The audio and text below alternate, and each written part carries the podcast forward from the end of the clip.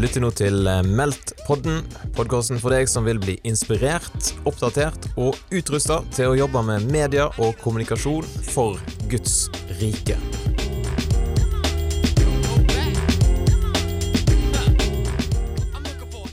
Velkommen skal dere være til dette Meldt-webinaret. Eh, jeg heter Kjetil Bergerud Larsen. Jeg jobber i Fladelfia-kirken Oslo og er leder for Meldt-konferansen. Mediekonferansen Meldt er en endags mediekonferanse i Philadelphia Oslo. og er for deg som er eh, frivillig eller jobber innenfor medier og kommunikasjon i kirke eller næringsliv. Vi har lyst til å samle, inspirere og utruste de som jobber med medier og kommunikasjon, til å eh, rett og slett dele Guds rike der de er med sine verktøy det er det vi driver med. Og Meldt-konferansen 2020 den skal, den skal, skje til høsten. 24.10. Enten som en fysisk konferanse eller eh, digitalt. Vi får se litt nå. Nå hørte jeg at eh, grupper på inntil 200 kan samles snart. Så eh, vi får se hvordan det utvikler seg, men følg med i hvert fall. Eh, årets tema er historiefortelling, stories, og vi gleder oss til å utforske det sammen. Det er derfor jeg har denne fine bakgrunnen her, eh, som dere kan se. Og eh, vi håper mange av dere vil bli med oss der. Yes, det var dagens reklame. I dag så skal vi snakke om at kirker har nådd folk online eh, i stor grad i denne koronasituasjonen. Men hva gjør vi nå? Eh, og Jeg skal si litt om gangen i samtalen, hva vi skal innom. Vi, vi skal holde på en time. Eh, vi skal snakke litt om eh, det at vi har nådd folk, og eh, hvem er det vi egentlig har nådd. Vi skal snakke litt om fellesskapet online, eh, hva det er verdt. Vi skal snakke litt om har vi et mål når vi er online. Kan vi lære noe av eh, markedsførere her? Eh, og disippelgjøring, eller det å ta steg med Gud online, eh, hvordan foregår det? Og kan det foregå i det hele tatt online? Og hvordan kan vi engasjere folk et steg videre? Kanskje kommer vi fram til noe som kan være av verdi for deg. Det er det er vårt håp her i dag. Yes. Det er altså mulighet for å stille spørsmål, så bruk den muligheten. Ehm, og eh, nå skal vi eh, i denne samtalen fokusere mest på altså Koronasituasjonen har jo både begrensninger og muligheter. Vårt utgangspunkt er litt sånn mulighetsutgangspunkt. Men før vi eh, snakker videre, så skal jeg da lansere et spørsmål til dere her. Opplever du koronatiden mest som en tid av begrensninger eller som en av muligheter? Det har vi lyst til å vite fra dere som hører på. Eller om du opplever det som litt sånn 50-50.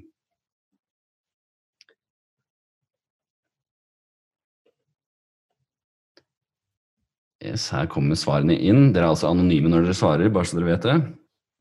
Så ikke noe fare her. Vi får en overvekt på, på de som opplever det som en 50-50. Eh, og så har vi muligheter på en uh, nummer to eh, på 29% og begrensninger 18% Så det er litt uh, delt uh, her i salen, som vi kaller det. Yes, panelet vårt, de sitter klare nå, venter på å slippe til. I dag er vi heldige å ha med oss Alf Jøsund, religionsredaktør i Vårt Land. Vi har med oss Ingeborg Dybvig, som er kommunikasjonsdirektør i Kirkerådet. Og vi har Kasper Vassbotn, som er digital markedsfører i NOAH Connect. Eh, og Alf eh, Tom Christiansen skrev i Vårt Land eh, for litt siden at nå fyller kirka fotballstadioner. Eh, og vi når folk online i disse koronatider.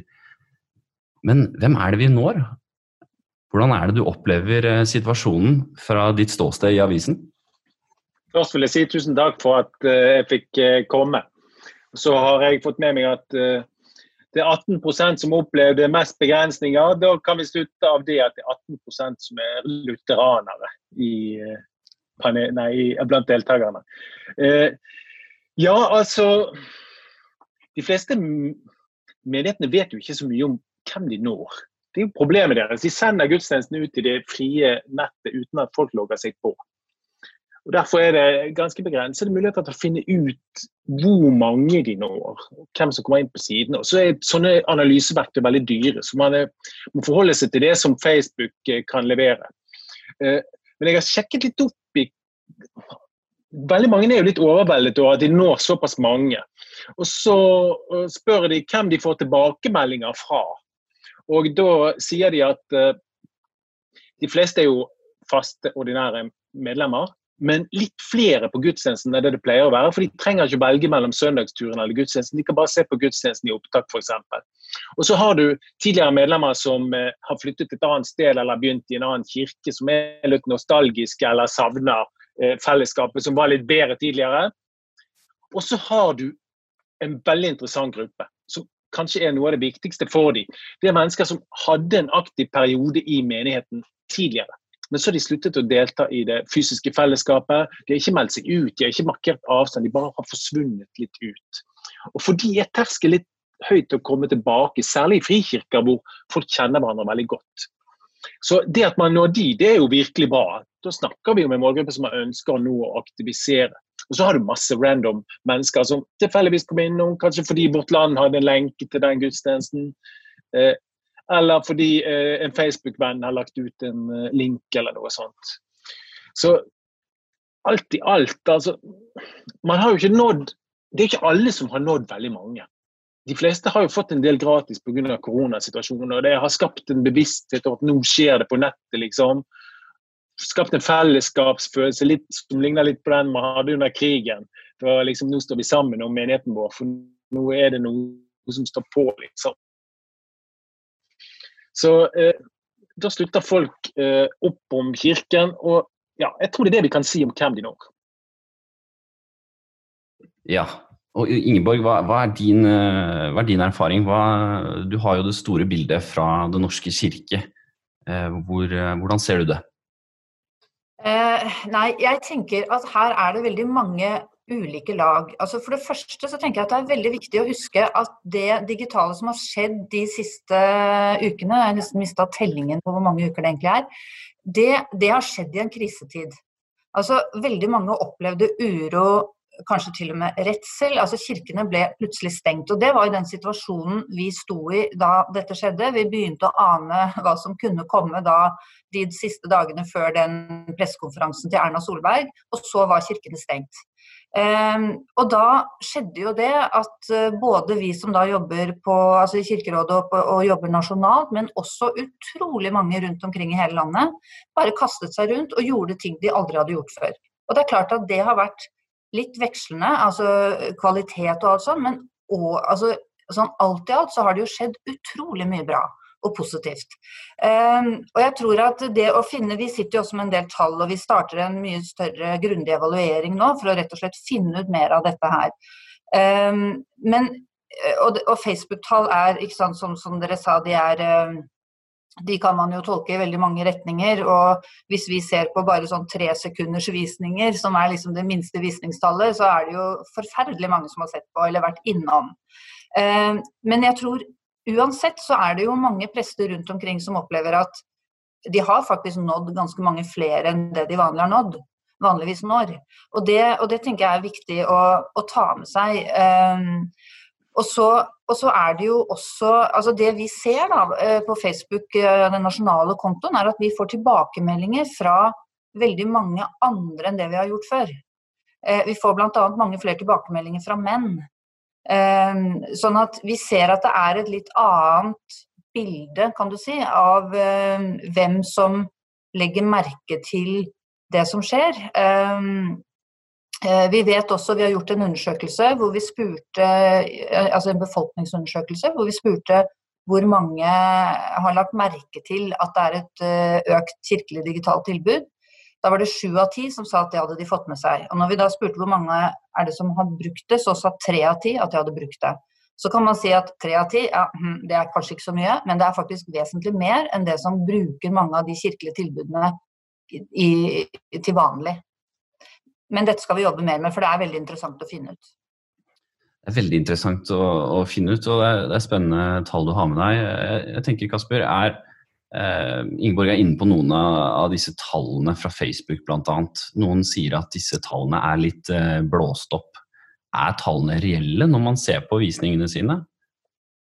Uh, det, jeg, jeg, vil, si nei, først og fremst. det er en ganske Og i hvert fall når du tenker deg på en gudstjeneste på en halvtime, 45 minutter, kanskje en time, og så sier Facebook at du har at uh, 10 18 og 20 og 25 000 mennesker har sett denne filmen, uh, så er realiteten at det er ganske mange færre som faktisk har konsumert innholdet. da. Uh, så bare å se på, på filmene fra, fra eller gudstjenesten vi har lagt ut fra, i Philadelphia-kirken, så, så, er det jo kan en ha fått 18 000 visninger på Facebook, og så er det 300 mennesker som har sett mer enn to minutter av filmen. Så ja, det, det er definitivt uh, opp til fortolkning hvorvidt måte, disse tallene, kanskje spesielt i Facebook, eh, eller hva de betyr. Eh, så, så man, må, man, man, må, man må ikke liksom flagge suksess på de tallene, eh, men at man klarer å gjøre en, en eller annen form for påvirkning, det, det tror jeg jo man har klart. En, en, en, større undersøkelse Snapchat gjorde i 2017, viste at du klarer å gjøre en, et uh, løft i merkevarekjennskap uh, i løpet av to sekunder. Uh, hvis du har på en måte logo eller noe gjenkjennelig. Da. Så hvis du ser en film og ser Coca-Cola-logoen, og du ser det i to sekunder, så vil det statistisk gi et, et løft i merkevarekjennskap. Og nå er det jo ikke nødvendigvis merkevarekjennskap Kirken eh, er ute etter sånn eh, direkte, men allikevel så er jo det å gjøre ryktet om, om, Jesus eh, vikt, levende er viktig for Kirken. Eh, og jeg tror jo at eh, får, får, du nok gudstjenester eh, i feeden din, så, så, tror jeg ganske mange et eller annet punkt vil ha en eller annen, eller være påvirket på en eller annen form. Da. Så det ikke er de blir frelst, men at man kanskje gjør seg noen tanker. Og, og, hvis vi skal prøve å være litt uh, konkrete her, da. Nå skal jeg sende ut et spørsmål til, til folket her uh, og høre hvor mange av dere i salen som har sett på tallene uh, bak visningene. Hva er det du vil anbefale folk å se på, Kasper, hvis man skal begynne et sted? En, en gang til. Hva er det du vil anbefale folk å se på hvis de skal begynne å se på tallene bak visningene? Da vil jeg se på hvor mange som ser ser i hvert fall mer enn ett minutt av, av, videoen, uh, og prøve å se litt på eh, Du kan se på frafallsraten eh, på en film, som gir ganske interessant og litt brutal innsikt i hvor folk detter av filmen, eller av gudstjenesten. Så det er, det er noe jeg definitivt ville, ville sett på. Og, og det er jo som noe vi ikke kan måle til, eh, til vanlig på vanlige gudstjenester. De fleste av oss er jo mennesker eh, og mister oppmerksomheten eh, sikkert både to og tre og fire ganger i løpet av en vanlig eh, preken. Eh, men når det skjer når du sitter på Facebook, så er det veldig fort at man eh, detter helt av. og hvis man plutselig begynner å kjede seg, så reiser du deg ikke opp og går ut i kirken. Men på Facebook er det litt lettere å bare lukke. Så se på den frafallsraten eh, definitivt. Dette er jo interessant. Eh, man har jo eh, en, en, skala her hvor Facebook er jo et veldig bråkete sted å være til stede. Kontra kanskje et kirkerom. Det kan jo være bråk der òg, men, men, skal vi liksom nå helt frem i algoritmene til Facebook, så må vel gudstjenesten nesten bli et gameshow. Og det er jo et sted på, på linja her hvor man kanskje mister litt liksom hva en gudstjeneste er. Hvor langt tenker du vi kan strekke oss, Ingeborg, på, å liksom tilpasse innholdet til eh, mediumet? Um, vi har jo sett det i de ukene som har gått nå, at det er mange, mange menigheter som har laget uh, eh, f.eks. type kortere gudstjenester. Um, uh, og det har jo vært altså, veldig mange andre, det er ikke bare gudstjenester. Det er jo ikke sant, Ord for natten, vi har hatt lunsjavtaler, vi har hatt masse forskjellige ting som har, har skjedd for ulike målgrupper etter hvert. Um, men det som, det som, jeg tenker er et viktig element her, og som jeg tror en del har begynt å diskutere nå, det er jo liksom sant, Ser du på en gudstjeneste digitalt, eller deltar du på en gudstjeneste digitalt? Mm. Og det er kanskje to forskjellige ting. Og da er spørsmålet hvordan kan man skape en følelse av at du faktisk deltar, og ikke bare sitter som en slags passiv tilskuer da, til, mm. eh, til, en gudstjeneste. Um, jeg, men altså, jeg er ganske opptatt av egentlig akkurat dette her, og jeg har tenkt en del på det de siste par ukene. Eh, Fordi at Vi har alltid sagt i Den norske kirke at det vi gjør digitalt, og vi har jobba masse med digital satsing de siste par årene, vi har sagt at eh, den digitale kirken den skal være i tillegg til, og ikke i stedet for, den fysiske kirken og den fysiske opplevelsen av å være på enten det nå er en gudstjeneste eller noe annet i kirken. Eh, og det mener vi jo fortsatt. Men samtidig så tenker jeg at nå har vi gjort så mange gode erfaringer og vi ser at, og vi tror at vi, at vi faktisk når ut til andre enn de som kanskje eh, trofast går på gudstjeneste på søndagene. Um, og jeg forundres litt da når jeg ser f.eks. på Facebook, hvor jeg følger en del forskjellige tråder, eh, hvor prester og andre diskuterer eh, det digitale tilbudet, og hvor en del sier at vi gleder oss til vi kommer tilbake til kirkerommet, for da kommer vi tilbake til det som er ekte. Eh, og de kaller det digitale tilbudet for et surrogat, f.eks. noen. Mm. Eh, og det tenker jeg er eh, Jeg syns det er interessant, men samtidig så tenker jeg at det er kanskje nesten litt arrogant. At jeg tror vi faktisk skal anerkjenne at for noen så opplever de dette som ekte. At for noen så er det kanskje ikke et alternativ å gå i kirken rent fysisk. Det kan hende at noen vil begynne å gjøre det, og vi får respons fra folk som f.eks. har vært med på babysang digitalt, og som sier at vi ante ikke at babysang fantes som tilbud, og når liksom alt åpnes opp igjen, da vil vi gå på babysang. Ehm, så noen kan kanskje flytte, sånn som man jo snakker om innenfor eh, markedsføring, men, men, samtidig så er det kanskje ikke alle som vil det, og det tenker jeg at vi også skal um, ta med videre. At vi kanskje trenger å ha uh, større digitalt tilbud enn vi har hatt. Og vi tenker i Norsk kirke at vi, når dette en eller annen gang er over, den koronasituasjonen vi står i nå, så er det ikke sånn at vi da skal tilbake til 10. mars, og så fortsetter vi derfra. Vi tenker at vi er et annet sted i forhold til hva slags digitale tilbud vi skal ha framover. Mm. Uh, ja, det er jo sant som du sier at uh, det er jo flere ting online enn bare gudstjenester. Så det er veldig godt moment å ha med her når vi snakker at det er ikke bare gudstjenester. Um, og dette fellesskapet online som du nevner, det er jo, det er jo mange som uh, lever uh, mye av livet sitt online. Og det bringer oss jo egentlig veldig fint inn her. Uh, vi kan jo gå innom resultatet vårt også, da, bare for å kommentere det. Ehm, har din kirke sett på tallene bak online-innholdet? over halvparten svarer ja. Hva tenker du om tallene her, Alf? Er dette overraskende? Nei, er, man er jo veldig interessert i å finne ut hvor mange som har sett, og, og prøve å finne ut hvem som har sett. Jeg vet jo det fra vår, eh, min hverdag også. Vi analyserer så godt vi kan og har kjøpt ekstra verktøy for å analysere hvem som leser, selv om vi ikke får vite nøyaktig hvem det er, så, så, så betyr det veldig mye. Så det skjønner jeg veldig godt. Mm. Det der, med, det der med om dette her er et fullverdig fellesskap eller et supplement eller noe som man holder på med til man er ferdig. Det, det har på en måte blitt et teologisk spørsmål også, som vi har sett når man har, man har diskutert om man kan ha nattverd online. Og Der har uh, den fungerende preses i Den norske kirke sagt at nei, vi kan ikke ha nattverd online. Og Dermed så har han signalisert på en måte, for nattverd det er når dere kommer sammen.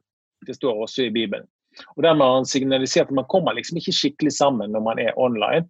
Mens f.eks. en annen luthersk kirke som Frikirken eh, praktiserer nattverd online og ber folk drikke vin og brød eh, hjemme. Mm. Eh, så Det er et interessant spørsmål hvorfor man har så ulik tilnærming til det hele. og Det tror jeg har noe med forskjellen på en folkekirke som har mange passive medlemmer i utgangspunktet, og en litt mer sånn vekkelsesorientert eh, evangelikal, frikirkelig menighet som er mer opptatt av eh, eller føler sterkere på et ansvar for at det åndelige livet til medlemmene skal opprettholdes. Men jeg tror at ja. Dette er jo interessant. Ja. Eh, Alfor, du skrev jo en uh, artikkel som egentlig den, dette webinaret ble litt til ut fra. Der du skrev at hvis, hvis kirkene skal lykkes med, med innholdet online, så må vi få folk til å forlate mus og tastatur og bli med i en fysisk kirke etterpå. Og Det er jo, eh, det er jo en interessant eh, konklusjon. da. Tenker du fortsatt at det er eh, suksessfaktoren? Nei, altså eh, apropos uttrykket som ble brukt i, i, in, i invitasjonen, disippelgjøring, hjelpe folk til å ta et skritt videre. Hvis du ser på hvordan de første menighetene fungerte, så var det et fellesskap av mennesker som kom sammen og hjalp hverandre, og hjalp mennesker som trengte det. Eh, det er liksom en viktig funksjon at man står mye i Bibelen om å tjene hverandre i fellesskapet. Og mye av det kan bare gjøres hvis man på en måte er til stede fysisk. For å si det sånn, Du treffer ikke den narkomane nede i Oslo sentrum online. Da må du være til stede. Og når en menighet eller organisasjon gjør det sammen, først da har man på en måte oppfylt oppdraget til det å være menighet, tenker jeg. Men i den lutherske kirken, som på en måte så er nesten all kristendom i Norge preget av Luthers tilnærming og protestantisk tilnærming. Der står forkynnelsen veldig veldig sterkt. Fordi at Man tenker at tro er en personlig sak. Troen kommer av forkynnelsen. Så forkynnelsen er på en måte det viktigste som skjer i en gudstjeneste. Og den er jo fullverdig online.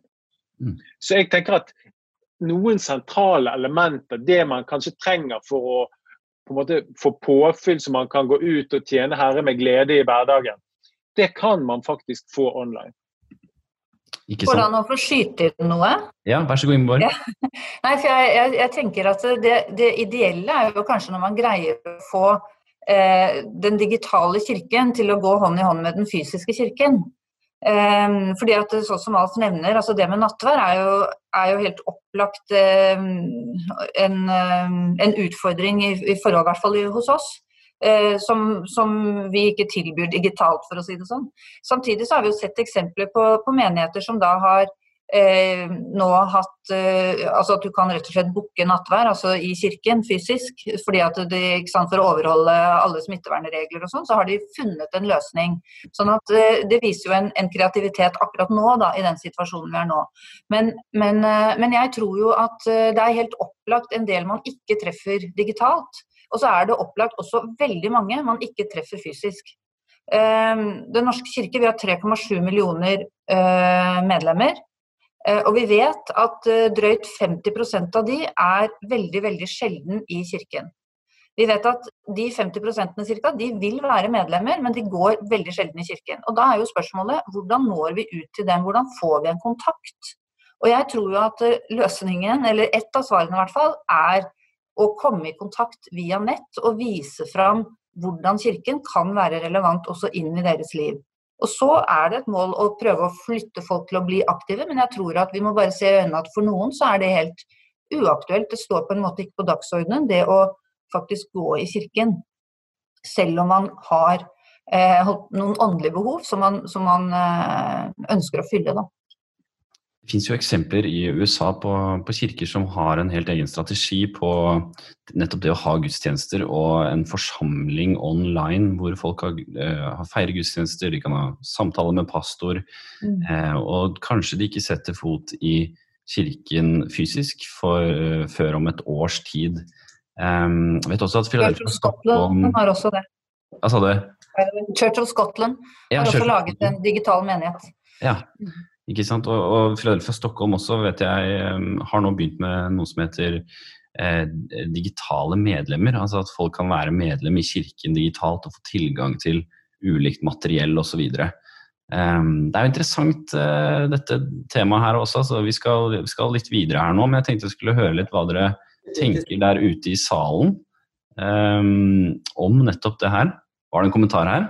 Ja, jeg, jeg, prøvde å være høflig, men du I fingrene, jeg så ikke. Det er veldig bra. Det, det er veldig bra, Kasper. Vær så god, mens jeg finner fram her. Totale kanaler. Men uh, no, jeg, jeg, jeg, tenker bare avslutningsvis på det vi har snakket om nå, så, så, tror jeg jo Vi snakket om mulighetsrom og utfordringer i stad. Og, og, og, jeg tror jo denne perioden for Kirken uh, på, på, godt og vondt uh, har vært veldig positiv rundt akkurat dette her. For det har jo vært en litt sånn Eh, tvunget utvikling. Eh, jeg tror aldri kirken, altså kirken har tatt eh, ganske Både Frikirken og, og, og statskirken har nok tatt store steg de siste, den siste måneden uh, i å komme seg online. Uh, som de kanskje ikke hadde gjort hadde ikke dette skjedd. Ikke at man uh, tenker nå har Gud sendt korona for at vi skal komme oss online, men Jeg, jeg tror, eh, tror, det er en bra utvikling, for jeg er helt enig som Ingeborg sier at uh, vi, det, er, det, er, ikke enten-eller. Vi er avhengig av å være uh, til stede begge steder. Uh, og så er det en, også en kjempeutfordring for Kirken fordi dette digitale landskapet er mye større enn bare å legge noe på Facebook. Eh, det er veldig mangefasettert og ulike plattformer og ulike måter å nå ulike mennesker på. Det er ganske, ganske komplisert eh, å skulle treffe alle på en relevant måte. Eh, men, men likevel så tror jeg Jeg er i hvert fall optimist i utgangen av dette her. Eller får se hvor, hvorvidt man er ute av det. Det er man nok helt ennå. Men jeg tror dette har vært en, en lærerik tid for, for Kirken. Ja, og Kasper, når vi er, når vi er inne på, på, disse mulighetene og, og bratte læringskurvene eh, Du har jo vært i dette gamet lenge, men på en litt annen måte. Eh, du har vært digital markedsfører i over ti år. Eh, og dere har jo eh, bevis, en bevisst strategi, dere har mål. Hva kan vi lære eh, som kirker da, av, av dere? Kan vi bare copy-paste og gjøre det samme, eller hvordan fungerer det? Ja, både, både, og. Mye av prinsippene er jo de samme. Det eh, nå, nå, forenkler jeg grovt, altså, men, men eh, det de fleste annonsører eh, gjør i sin markedsføring, handler om å påvirke eh, et menneske fra å ikke vite hva du selger, til å eh, kjøpe eller ta i bruk det du selger. Og på samme måte så, så skal jo Kirken påvirke mennesker i, måte, i ytterste konsekvens fra ikke kjenne til eh, historien om Jesus, til at folk skal leve et liv i etterfølgelse av eh, ham. Eh, og det er jo veldig mange av de samme virkemidlene hva gjelder påvirkning, og, og påvirke på ulike måter gjennom en beslutningsprosess, eh, som gjelder for både Kirken og for eh, annonsører, sånn sett. Da, eller, ja. Så definitivt da, er eh, de samme overordnede prinsippene, selv om virkemidlene øh, kanskje er ulike og det er, en, det er nok en litt dypere og lengre prosess. Uh, er ikke, du skal ikke kjøpe et par joggesko. Det er nærmere å kjøpe bil, kanskje. Uh, eller kjøpe nytt hus. Det er en lang uh, prosess, men, men allikevel. Hva tenker du, Ingeborg? Har dere et mål med det dere gjør online? Er dere tydelige på det, eller eh, hvordan er strategien? Ja, vi har jo altså vi har, Det som er interessant, vi har jo en strategi som vi la for et par-tre år siden, og som vi har fulgt, og hvor vi har gjort en god del og hadde ganske mange planer. og så Um, og så kom hele koronasituasjonen, og hvor vi bare gjorde mange ting som, vi, som egentlig sto på planene. Så er jo, jeg er helt enig med Kasper at jeg tror, eh, jeg tror liksom, hvis man skal trekke noe positivt ut av alt som har skjedd de siste ukene, så tror jeg det uh, at vi bare kastet oss rundt og gjorde mye av det vi hadde tenkt å gjøre, mens vi hadde tenkt å bruke mye mer tid på å planlegge og sånn. Eh, og så er jeg ikke imot planlegging, bare så det er sagt men jeg tror at det ligger masse læring som har vært veldig veldig positivt. Um, så altså, vår, vår, målsetning har jo nettopp vært at vi tenker at vi må være der folk er, og folk er også på nett. Ergo må vi være der. Uh, og Det er jo en litt sånn enkel og kjapp, uh, kjapp uh, versjon, men, men, det handler jo om å, å gi folk, altså vise at Kirken er relevant inn i folks liv, og at vi også kan gjøre det i digitale kanaler. Og Vi har snakket masse om Facebook nå, men vi har jo også eh, jobbet ganske mye nå i disse ukene med Instagram og, og TikTok også. Um, og vi bygger en slags altså Det er ikke akkurat TV-kanal, men vi, vi, strukturerer det vi har gjort, sånn at det ligger tilgjengelig på YouTube. For vi ser jo også at vi har fått mange henvendelser fra folk som ikke er på Facebook, men som ønsker å ta del i mye av det som, som vi gjør likevel. Sånn at det øh, Nå snakket jeg meg helt bort fra det du spurte om. Men øh, var, jeg, var, jeg, nesten på mål, eller ble det litt avsporing her? Jeg tror du var nesten på mål, altså. Her er ikke moderator, er ikke våken i timen. Men eh, Nei, ikke sant? Jeg har en, jeg har en det, det tror jeg er litt viktig i forhold til, til, til, dette hva målet vårt er. Så, så, så, er jo på en måte den neste utfordringen er jo hvis vi setter oss en del mål, hvordan hvordan skal vi virkelig klare å nå de målene? Og det er jo ganske utfordrende. For man kan jo på en måte Ok, vi skal ett mål er å få folk til å komme i kirken, et annet mål er å få folk til å uh, ta del i andre aktiviteter. Og, altså, det er en hel rekke mål her. Og en ting er å faktisk måle det. Det er lett å måle om uh, man sender en uh, bruker fra Facebook til gsport.no og hva den personen gjør der. Det kan vi måle ganske lett. Men hvorvidt at en person ser på en gudstjeneste online, og det eh, gjør noe med den personen, det er jo ganske utfordrende å måle. Eh, og så er det jo den hvordan når vi faktisk dette målet, og hvor mye krever det av ressurser. Eh, for man kan på en måte bare putte en gudstjeneste online hvis målet vårt er å treffe folk, eller så kan man gjøre det på veldig mange andre måter som i noen tilfeller fungerer mye bedre enn en gudstjeneste. Mm. Um, så, så, det er også i forhold til sånn Hva er målene våre, men hvordan når vi de? Det tror jeg også er like så viktig å stille seg. Ingeborg?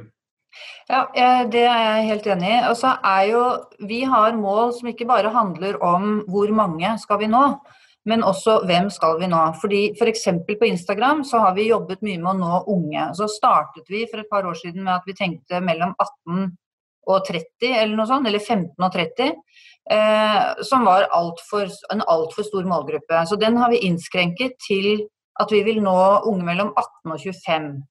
Og vi følger med, og vi ser at vi har greid å senke alderssnittet på Insta, men vi er fortsatt ikke i mål. Sånn at vi, vi Jeg tenker sånne mål er jo også, også viktig ikke sant, i forhold til um, rett og slett det å kunne målrette en kommunikasjon mer. da eh, enn en liksom bare at vi skal telle antall visninger på Facebook. For det er eh, Det kan være interessant hvis man har noe å sammenligne med, og det har vi jo etter hvert. Vi kan jo se ikke sant, i forhold til f.eks. For samme uken i mars i fjor. Da, eller, eh, ikke sant, Vi kan alltid se noe, få noe ut av det.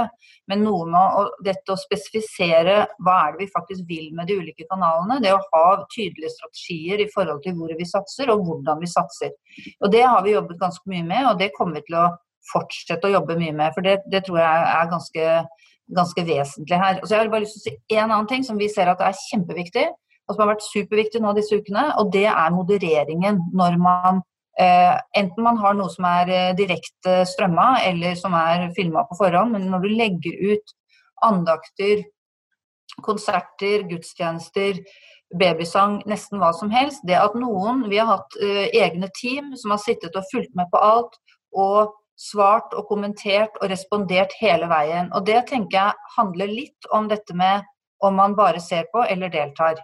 Fordi mhm. vi får veldig mye positiv respons på at eh, folk faktisk får et svar fra kirken. Eh, selv om det kanskje bare er et hjerte. Og det, det tenker jeg er en, en, læring her som jeg tror mange eh, med fordel kan ta med seg. Da.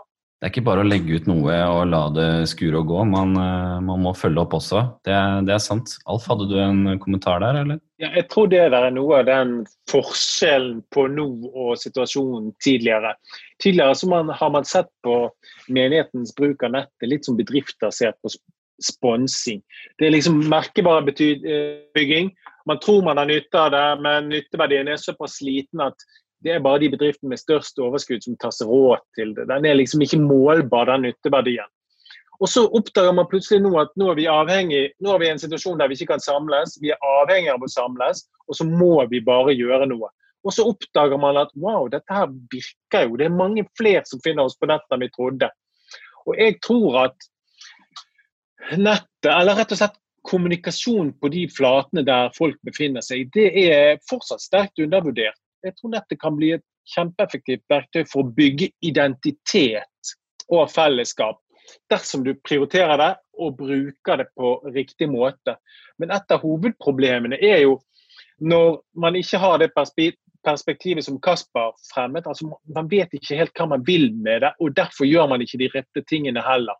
Mm. Og For det andre så er jo kvaliteten ofte så høy på det man finner på nettet, at, eh, og krever såpass mye ressurser, selv om det er mye mindre enn før, så, så, krever det fortsatt såpass mye at en liten menighet ikke har penger til å gjøre det, eller ikke har en forståelse av kulturen der ute til å kunne treffe de man prøver å nå.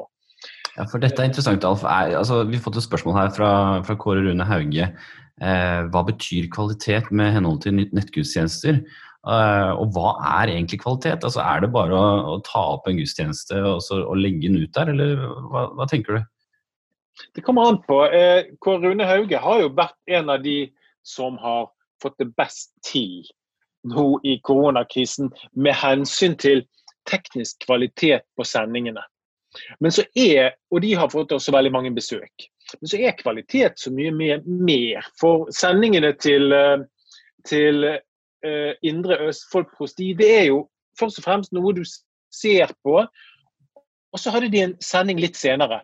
Så på en måte hadde en helt annen kvalitet og for noen kanskje høyere kvalitet. Den var mye dårligere teknisk, men det var en ønskekonsert der folk kunne melde inn hvilke sanger de ønsket skulle bli sunget og spilt. Folk fikk delta, folk fikk være med, og det ble skapt noe mer. Det er kanskje en enda viktigere kvalitet. Og jeg ser jo at de som har kommet lengst på dette med å bygge identitet hos medlemmene, det er jo faktisk eh, Brunstad Christian Church de hadde allerede et eget TV-tilbud. Som ikke bare lå der som noe som du kunne se på, men sendingen ble trukket inn i arrangementene deres. Og veldig mange menigheter har investert i utstyr og, og, og engasjert medlemmer i produksjonen.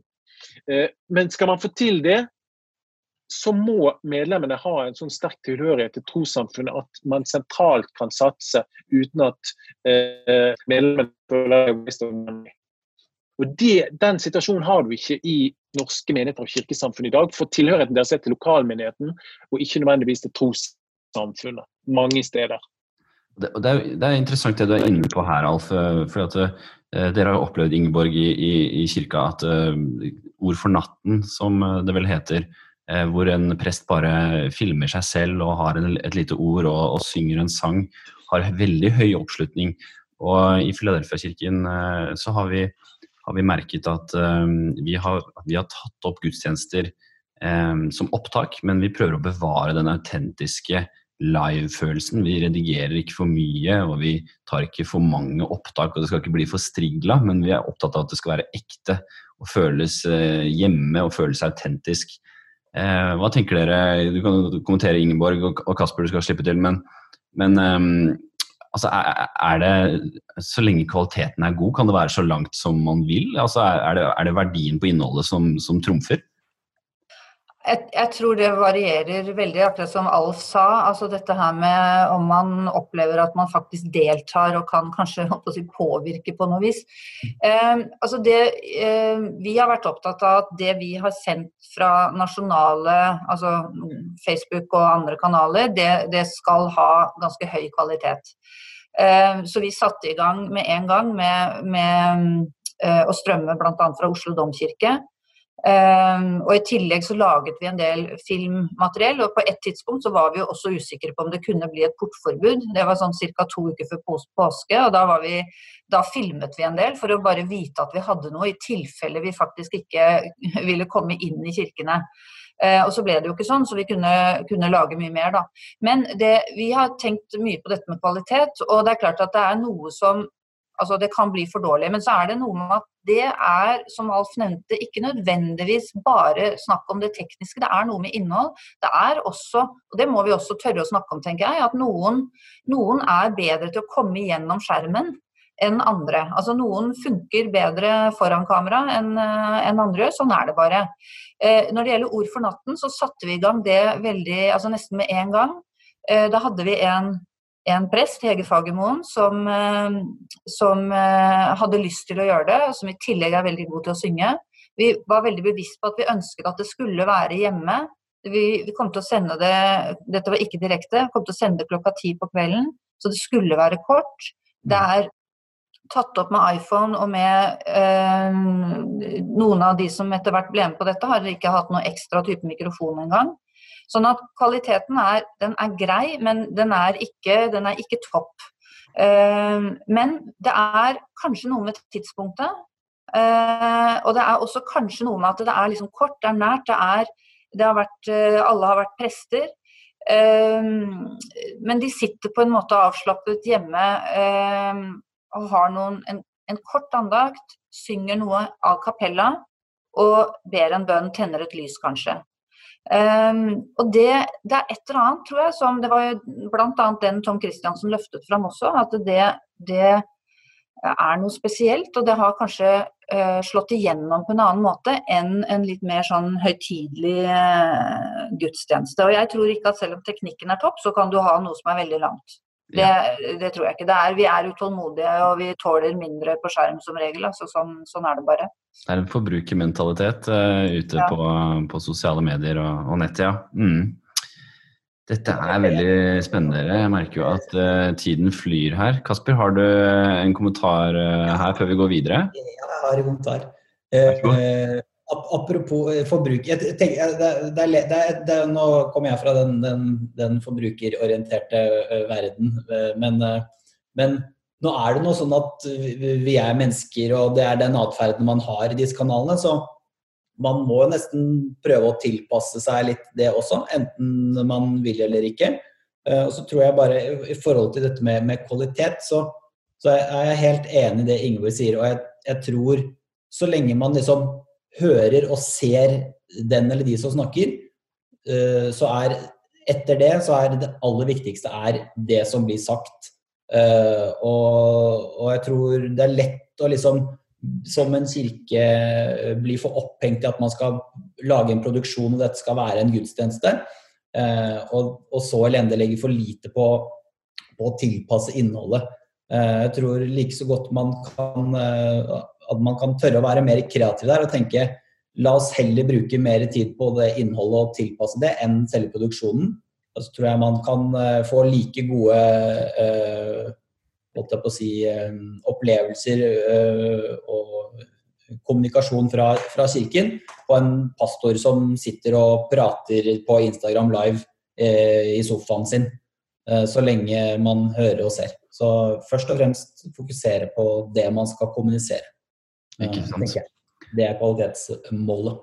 Å by på seg selv, rett og slett.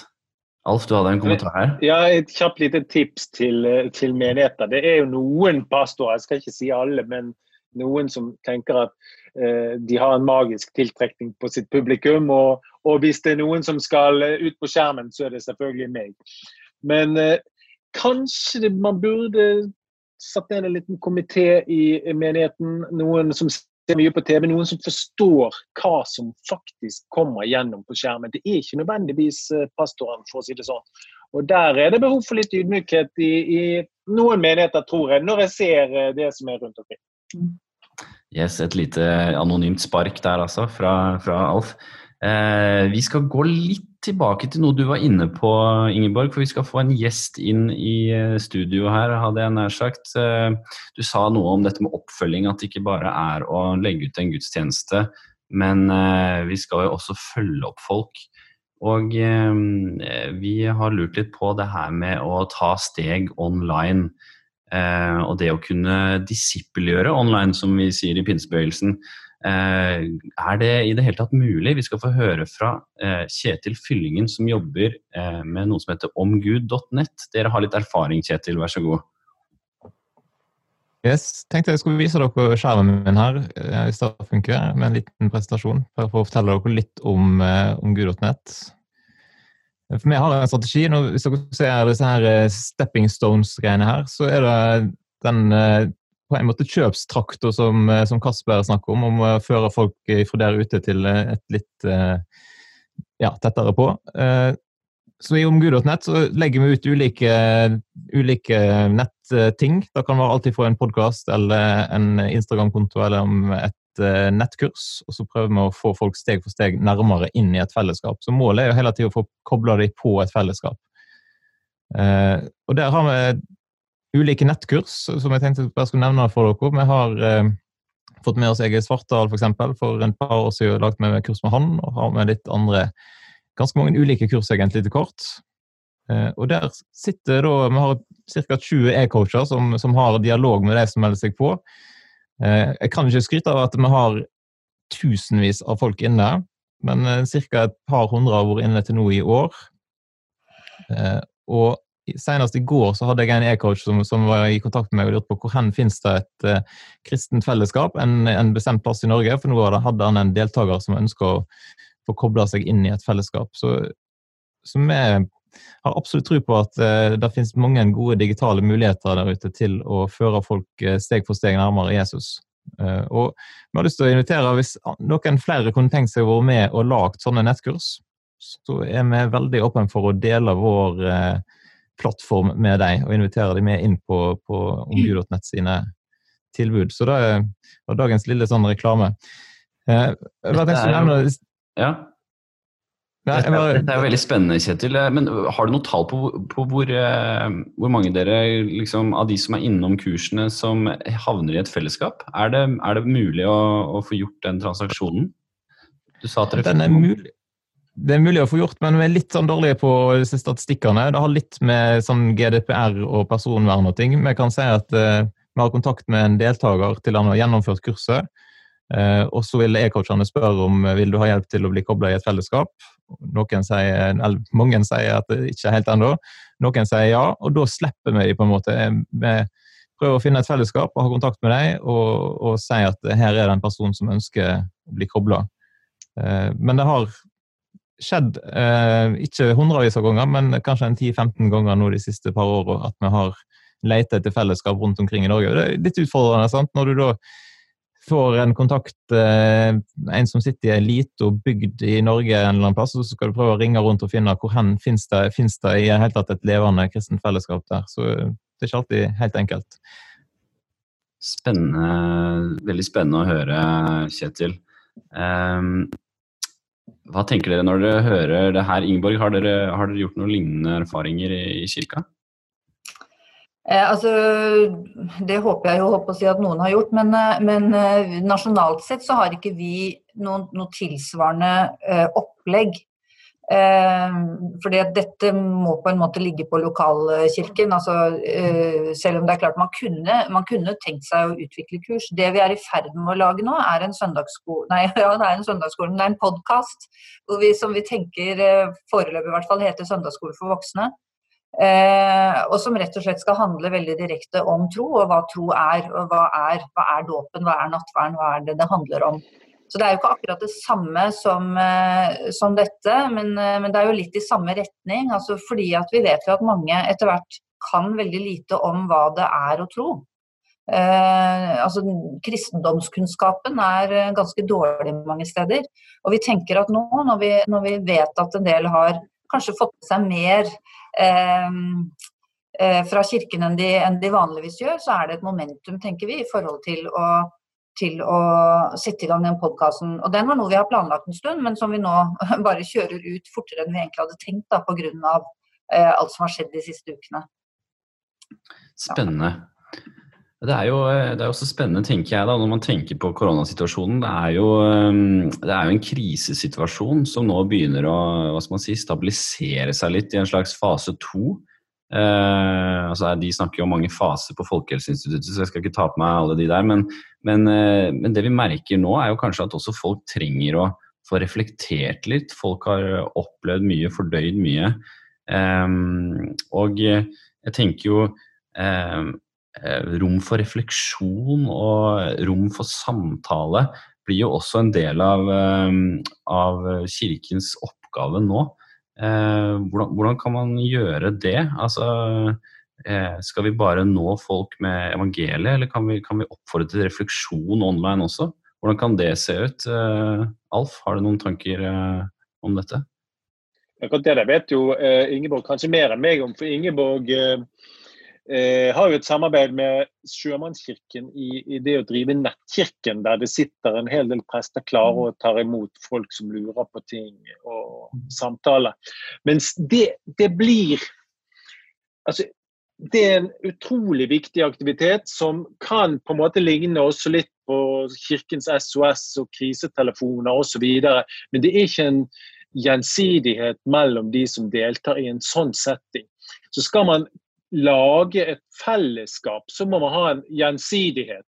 Man er ikke bare ute etter en sjelesørger, man er ute etter venner veldig ofte hvis man skal eh, på en måte engasjere seg i kristen virksomhet. Og Altså, man har en stor fordel her, og det er at de aller færreste menneskene her i verden ønsker å leve livet sitt bare på nettet. Det er ikke sånn vi er skrudd sammen. Vi vil ha fysisk fellesskap med andre. Og det ser vi også. Ting er kjempenettbaserte. Selv nerder på Reddit eller folk som følger sine på Twitch, de møtes til fankvelder. De treffer altså Jeg har en sønn som oppsøkte en i Polen som han har spilt World of Warcraft med. altså Folk blir venner, de treffer hverandre og vil møtes. Men hvis man ikke har noen som helst strategi for at dette skal skje, og hvis dette her bare er en sånn evangeliseringsaktivitet, det er jo også litt sånn Det er ikke, det er ikke balanse der heller. Altså, jeg gjør dette som en aktivitet for å nå deg, slik at du kan altså, Du føler at folk markedsfører noe om for deg. Det er ikke det du skal heller. Du skal mm. faktisk vise ekte vennskap. Og mm. jeg tror at skal man få til det, mm. så må online-virksomheten bli en integrert del av menighetens fellesskap, som alle deltar i, som man trekker inn f.eks. i i menighetsrommet, i kirkerommet. F.eks. når man har ungdomssamlinger på menighetshuset, så kan man eh, ha online aktiviteter med andre. Sånn at, sånn at, man lager et større repertoar og spekter av online aktiviteter som hjelper en til å på en måte sørge for å få likestilte aktiviteter. Så det er massevis av muligheter, men man må slutte å tenke jeg er en, eh, en en, en, som tilbyr noe, og du er en som skal få lov å ta imot. Ikke det folk er ute etter. Mm. Veldig bra, altså. Uh, Kjetil, uh, merker dere merker dere mye pågang på sjelesorgbiten nå, eller hvordan er det? Ja, det er en del. Vi har òg et sånt der, vi kaller det for et kurs som heter personlig samtale, som er kun sånn én-til-én-dialog via chat. Men det er klart, Eh, noen samtaler henviser vi videre til Kirkens SOS, f.eks. Hvis det er dype, alvorlige ting, så, så, tenker man at de, er, de, har mest og best kompetanse på den type ting. Og så prøver vi å koble, ikke alltid å koble folk til en forsamling, men vi har, har ulike samarbeidspartnere innenfor eh, for sjelesorgfaget som vi kan koble enkeltpersoner på. For at, eh, ja, i en skikkelig sjelesorgsamtale så er nok den øyekontakten eh, grådig viktig. Mm. Jeg lanserte et spørsmål underveis her. Eh, har du tro på at mennesker kan gå i kirken kun online? Og der var eh, flesteparten mente nei der, oppimot halvparten. Skal vi se her, skal jeg dele den med dere. Um, så vi er litt delt på, på, dette, men overvekt på nei, da. Men det er interessante verktøy du har, Kjetil. Vi takker for ditt eh, bidrag. Eh, gir deg en kort golfklapp på vei ut der. Uh, yes, og så skal vi nå nærme oss uh, oppsummering. Um, så jeg skal bare få tatt uh, Kjetil ut her. Det er ikke bare bare å gjøre alt på en gang. Skal vi se.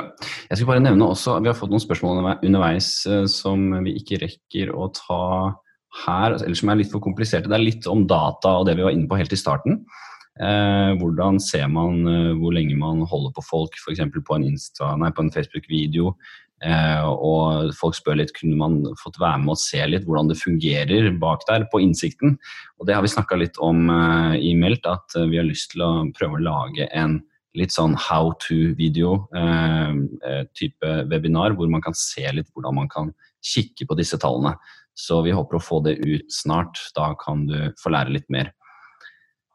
Ja, vi, vi nærmer oss uh, slutten her, dere. Og uh, hva tenker dere, panelet, panelet mitt? Uh, hvordan ser det ut videre? Kommer kirker til å ha gudstjenester og like mye innhold også etter koronasituasjonen? Eller hvordan, hvordan vil det se ut?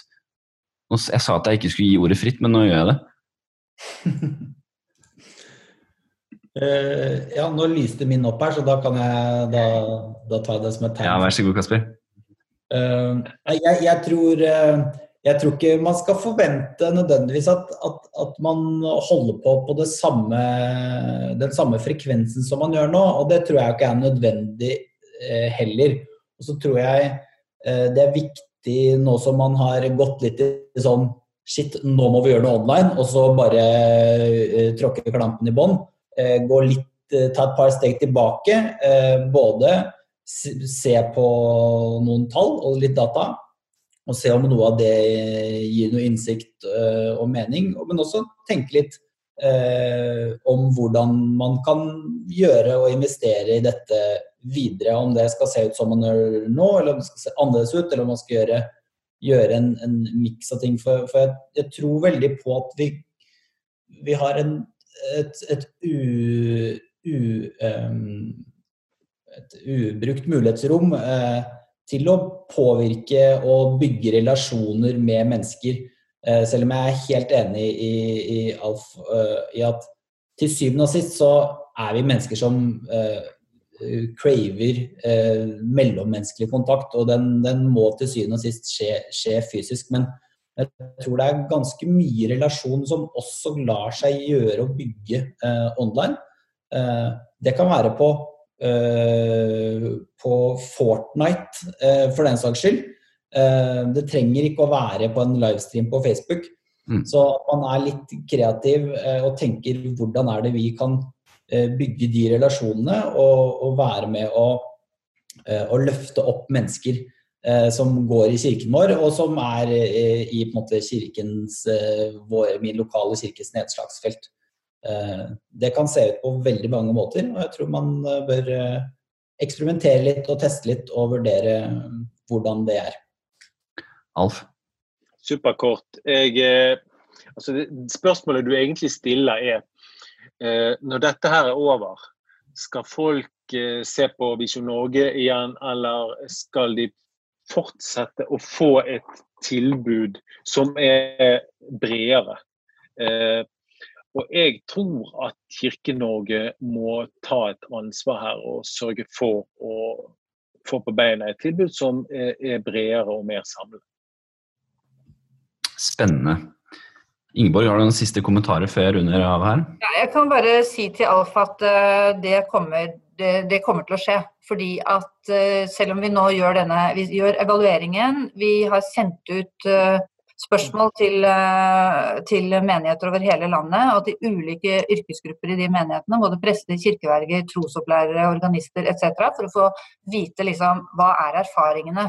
Sånn at vi får inn det. Og så vet jeg at vi kommer til å ha et mye større digitalt tilbud fortsatt enn det vi hadde 10.3. Akkurat hvordan det blir, det må vi finne ut sammen. Men, eh, men, at eh, et økt digital tilstedeværelse er kommet for å bli, det er jeg ganske overbevist om. Spennende. At jeg skulle sitte her i Sandefjord og lede et webinar, det hadde jeg ikke trodd uh, om denne tematikken og med disse gjestene og de vi har i salen for et par måneder siden. Uh, og det viser jo at uh, det har skjedd noe som har snudd opp ned på situasjonen vår veldig fort. Og vi er jo i startfasen, dere. Det må vi huske på. jeg vil takke dere for at dere var med på dette webinaret i kveld. Og jeg har lyst til å avslutte med et lite sitat fra en eh, sosial medieguru eh, og en mann med mange hatter, men han heter Simon Mainwaring. Han sier at eh, som all teknologi så er sosiale medier og det online er nøytralt, men det er best når det blir putta eh, til bruk for å lage en bedre verden. Og det er vel kanskje noe vi alle kan enes om oppi det hele vi har snakket om i kveld. Jeg la ut en siste poll her nå eh, som jeg lurte på om Kirke kommer til å fortsette med online innhold eller gudstjenester eh, online. Og her er vi altså nesten 50-50, altså. Folk, eh, litt flere som tenker at Kirken kommer til å fortsette med dette, men hele 45% mener ikke. Så det kommer jo sikkert an på veldig mange faktorer, ressurser osv. Yes. Da skal vi runde av. Vi skal respektere folks tid. Jeg vil eh, takke paneldeltakerne for at de stilte opp. Eh, og jeg vil også nevne at vi har et, en gruppe på Facebook som heter Meldt forum. Der går det an å bli med og eh, diskutere alt mellom himmel og jord når det gjelder medier, kommunikasjon og tro. Så bli gjerne med der. Eh, så takker vi for i kveld. Ha det godt. Da har du lytta til Meldt-podden, en podkast produsert av Meldt-konferansen i regi av TV Inter, Filadelfia-kirken i Oslo og Tro og Medier. Vi håper da at du vil eh, slå følge med oss i sosiale medier. Du finner oss på Facebook og Instagram. Søk etter Meldt-konferansen, så eh, kan vi kobles der.